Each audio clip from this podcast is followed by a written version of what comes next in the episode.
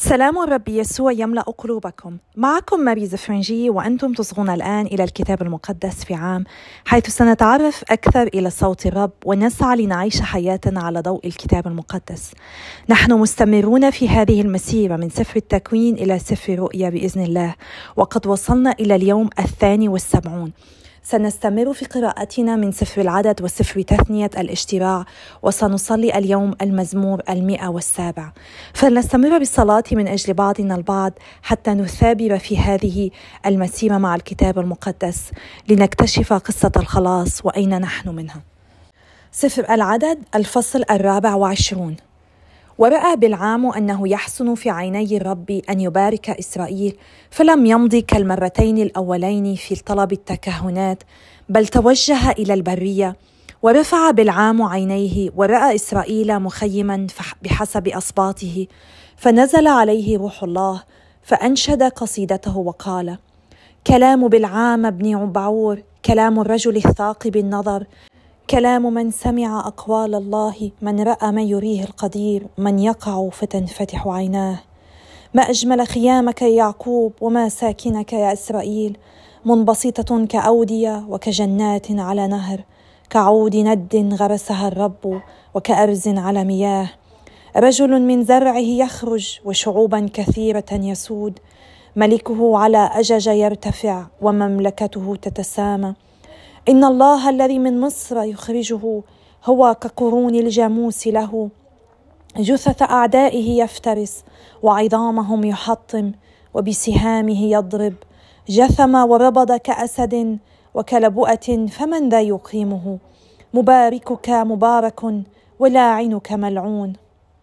نبوءة بلعام الرابعة. فغضب بالاق على بلعام وصفق بكفيه وقال بالاق لبلعام. إنما دعوتك لتلعن أعدائي فإذا بك قد باركتهم ثلاث مرات فانصرف الآن إلى موضعك. كنت قد قلت إني أكرمك فإذا بالرب قد منع عنك الإكرام. فقال بالعام لبلاق ألم أقل لرسلك الذين أرسلتهم إلي؟ لو أعطاني بالاق ملء بيته فضة وذهبا لم أستطع أن أتجاوز أمر الرب فأعمل حسنة أو سيئة من تلقاء نفسي. وإنما ما يقوله الرب إياه أقول. والآن ها أنا ذا منصرف إلى قومي. تعال أنبئك بما يصنع ذلك الشعب بشعبك في آخر الأيام. ثم أنشد قصيدته وقال كلام بالعام بن عور كلام الرجل الثاقب النظر كلام من سمع أقوال الله ومن عرف معرفة العلي ومن يرى ما يريه القدير ومن يقع فتنفتح عيناه. أراه ليس في الحاضر أبصره وليس من قريب. يخرج كوكب من يعقوب ويقوم صولجان من إسرائيل فيحطم صدغي مؤاب وجمجمة جميع بني شيت. أدوم يكون له ميراثا وسعير الأعداء ملكا وإسرائيل يعمل قوته. من يعقوب يخرج سيد فيهلك كل ناج من عار. ثم رأى بالعام عمالق فأنشد قصيدته وقال أول الأمم عمالق واخرته إلى الهلاك ثم رأى القينيين فأنشد قصيدته وقال متين مسكنك وعلى الصخرة وكرك لكن الوكر لبعور فإلى ما يسبيك الشور. ثم أنشد قصيدته وقال واها من يكون حيا إذا صنع الله هذا؟ من ناحيتي كالتيم تأتي سفن فتذل أشورا وتذل عبرا وإلى الهلاك هو أيضا.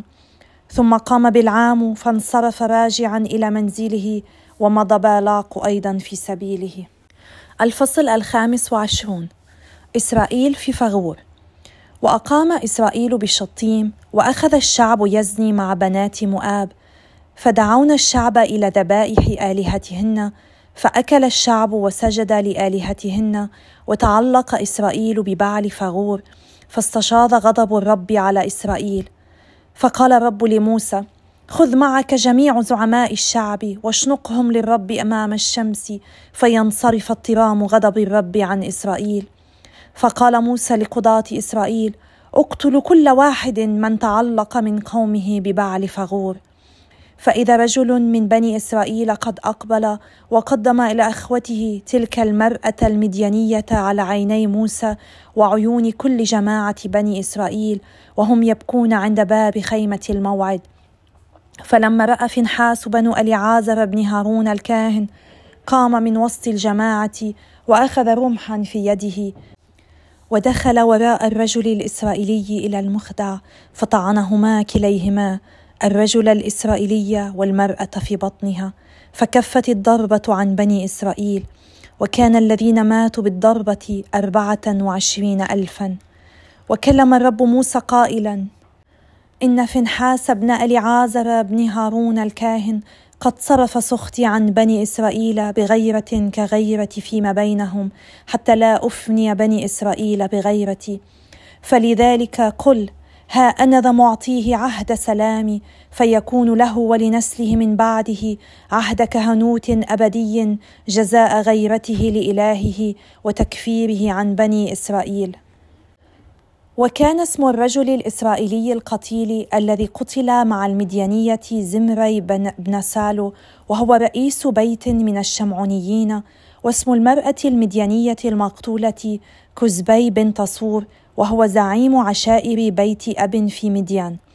وكلم الرب موسى قائلا ضيقوا على المديانيين واضربوهم لأنهم ضيقوا عليكم بمكرهم الذي مكروه فيكم في أمر فغورة وأمر كزبي بنت زعيم مدين أختهم التي قتلت يوم الضربة لما جرى في فغور.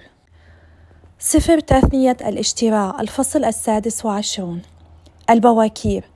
وإذا دخلت الأرض التي يعطيك الرب إلهك إياها ميراثا فورثتها وسكنت فيها فخذ من بواكير كل ثمر الأرض الذي تخرجه من أرضك التي يعطيك الرب إلهك إياها. وضعه في سلة وامضي إلى المكان الذي يختاره الرب إلهك ليحل فيه اسمه وآتي إلى الكاهن الذي يكون في تلك الأيام وقل له أعلن اليوم للرب إلهك أني قد دخلت الأرض التي أقسم الرب لآبائنا أن يعطينا إياها. فيأخذ الكاهن السلة من يدك فيضعها أمام مذبح الرب إلهك. ثم تتكلم فتقول أمام الرب إلهك إن أبي كان اراميا تائها فنزل إلى مصر وأقام هناك مع رجال قلائل فصار هناك أمة عظيمة قوية كثيرة فأساء إلينا المصريون وأذلونا وفرضوا علينا عملا شاقا. فصرخنا إلى الرب اله آبائنا فسمع الرب صوتنا ورأى ذلنا وعناءنا وظلمنا فأخرجنا الرب من مصر بيد قوية وذراع مبسوطة وخوف عظيم وآيات وخوارق. وأوصلنا إلى هذا المكان وأعطانا هذه الأرض أرضا تدور لبنا حليبا وعسلا. والآن ها أنا ذا ات ببواكير ثمر الأرض التي أعطيتني إياها يا رب. ثم ضعها أمام الرب إلهك واسجد أمام الرب إلهك وافرح بكل الخير الذي أعطاه الرب إلهك لك ولبيتك أنت واللاوي والنزيل الذي في وسطك. الأعشار الثلاثية السنين. متى انتهيت من إخراج جميع أعشار غلتك في السنة الثالثة سنة الأعشار وأعطيت اللاويه والنزيل واليتيم والأرملة فأكلوا في مدنك وشبعوا تقول بين يدي الرب إلهك قد رفعت الأقداس من البيت وقد أعطيتها للاوي والنزيل واليتيم والارمله بحسب كل الوصية التي أوصيتني بها. لم أتعد وصية من وصاياك ولم أنسها. لم آكل منها في حزني ولا رفعت شيئا حين كنت نجسا ولا أعطيت منها لأجل ميت بل سمعت لصوت الرب إلهي وصنعت بحسب كل ما أمرتني به. فتطلع من مسكن قدسك من السماء وبارك شعبك إسرائيل والأرض التي أعطيتنا إياها كما أقسمت لآبائنا أرضا تدر لبنا حليبا وعسلا. خطاب الخاتمة. نهاية الخطاب الثاني إسرائيل شعب الرب. في هذا اليوم يأمرك الرب إلهك أن تعمل بهذه الفرائض والأحكام فاحفظها واعمل بها بكل قلبك وكل نفسك. إنك قد طلبت إلى الرب اليوم أن يكون لك الها وأن تسير في سبله وتحفظ فرائده ووصاياه وأحكامه وتسمع لصوته. وطلب منك الرب اليوم أن تكون له شعبا خاصا كما قال لك لكي تحفظ جميع وصاياه وأن يجعلك فوق جميع الأمم التي خلقها مجدا واسما وبهاء وتكون شعبا مقدسا للرب إلهك كما قال. المزمور المئة والسابع. أحمد الرب لأنه صالح لأن للأبد رحمته. ليقل ذلك مفتدو الرب الذين افتداهم من يد المضايق وجمعهم من البلدان من المشرق والمغرب والشمال والجنوب. تاهوا في برية مقفرة ولم يجدوا سبيلا إلى مدينة مأهولة. جياع عطاش تخور نفوسهم فيهم فصرخوا إلى الرب في ضيقهم فأنقذهم من شدائدهم وأسلكهم سبيلا مستقيما ليسيروا إلى مدينة مأهولة. فليحمدوا الرب لأجل رحمته وعجائبه لبني البشر فإنه أروى الحلق العطشان وملأ البطن الجائع خيرا.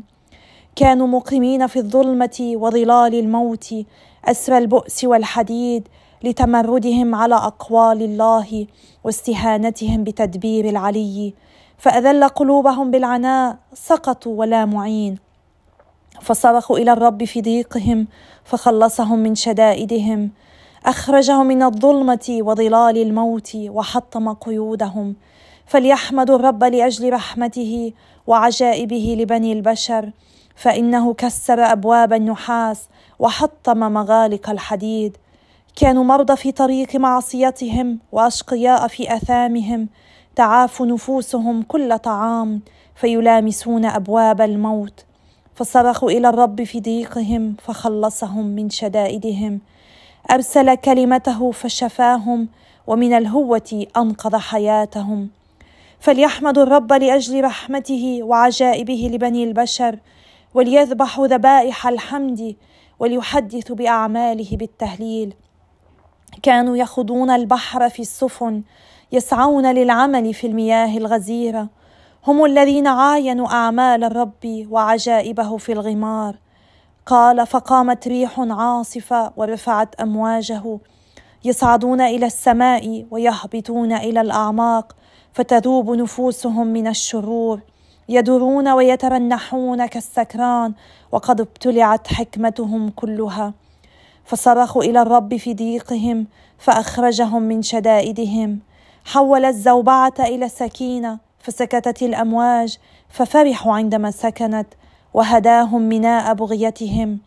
فليحمدوا الرب لأجل رحمته وعجائبه لبني البشر وليعظموه في جماعة الشعب. وليسبحوه في مجلس الشيوخ. يحول الأنهار إلى قفار وينابيع المياه إلى أرض عطشة وأرض الثمار إلى أرض مالحة بسبب شر سكانها. يحول القفار إلى غدران والأرض القاحلة إلى عيون مياه.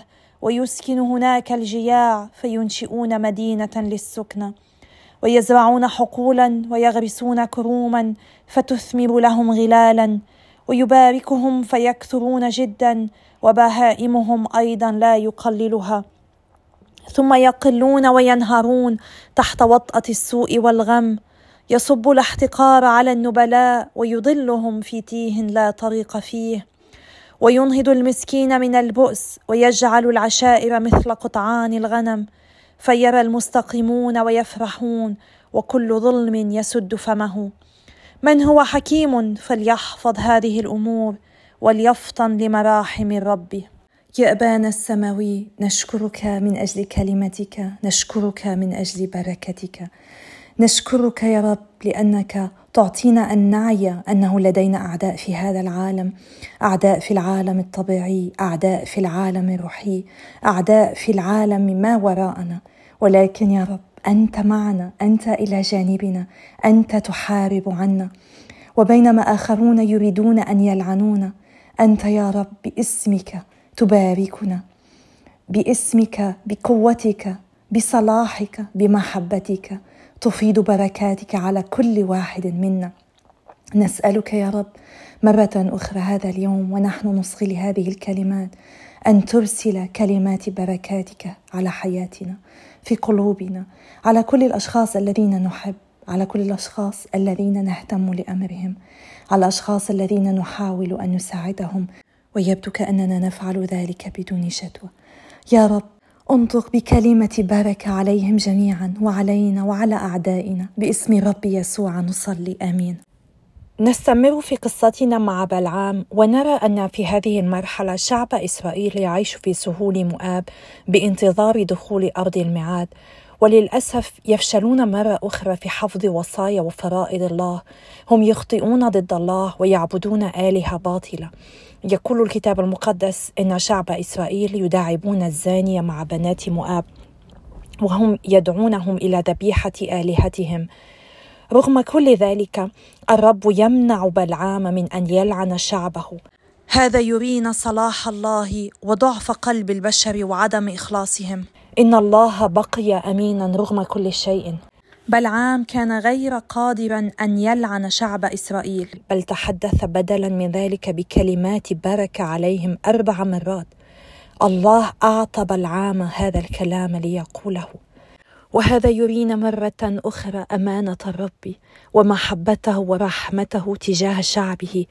هذا الشعب الخائن الذي لا ينفك يخذل ربه. قد نظن أن الشعب الإسرائيلي وحده خذل الرب لكن علينا أن نتأمل بحياتنا وأن نرى كم مرة قد خذلنا الرب كم مرة قد أخطأنا نحوه وربما رفضنا أن نتوب ونعود إليه. كم مرة فضلنا أن نثق بنفسنا. لا بالله ونشك بمحبته. نرفض أن نسلمه حياتنا. نرفض أن نجعل إرادته تتم في حياتنا. قد نظن أننا أفضل من الشعب الإسرائيلي رغم أن الشعب الإسرائيلي لم يعرف الرب كما نحن نعرفه اليوم من خلال الرب يسوع.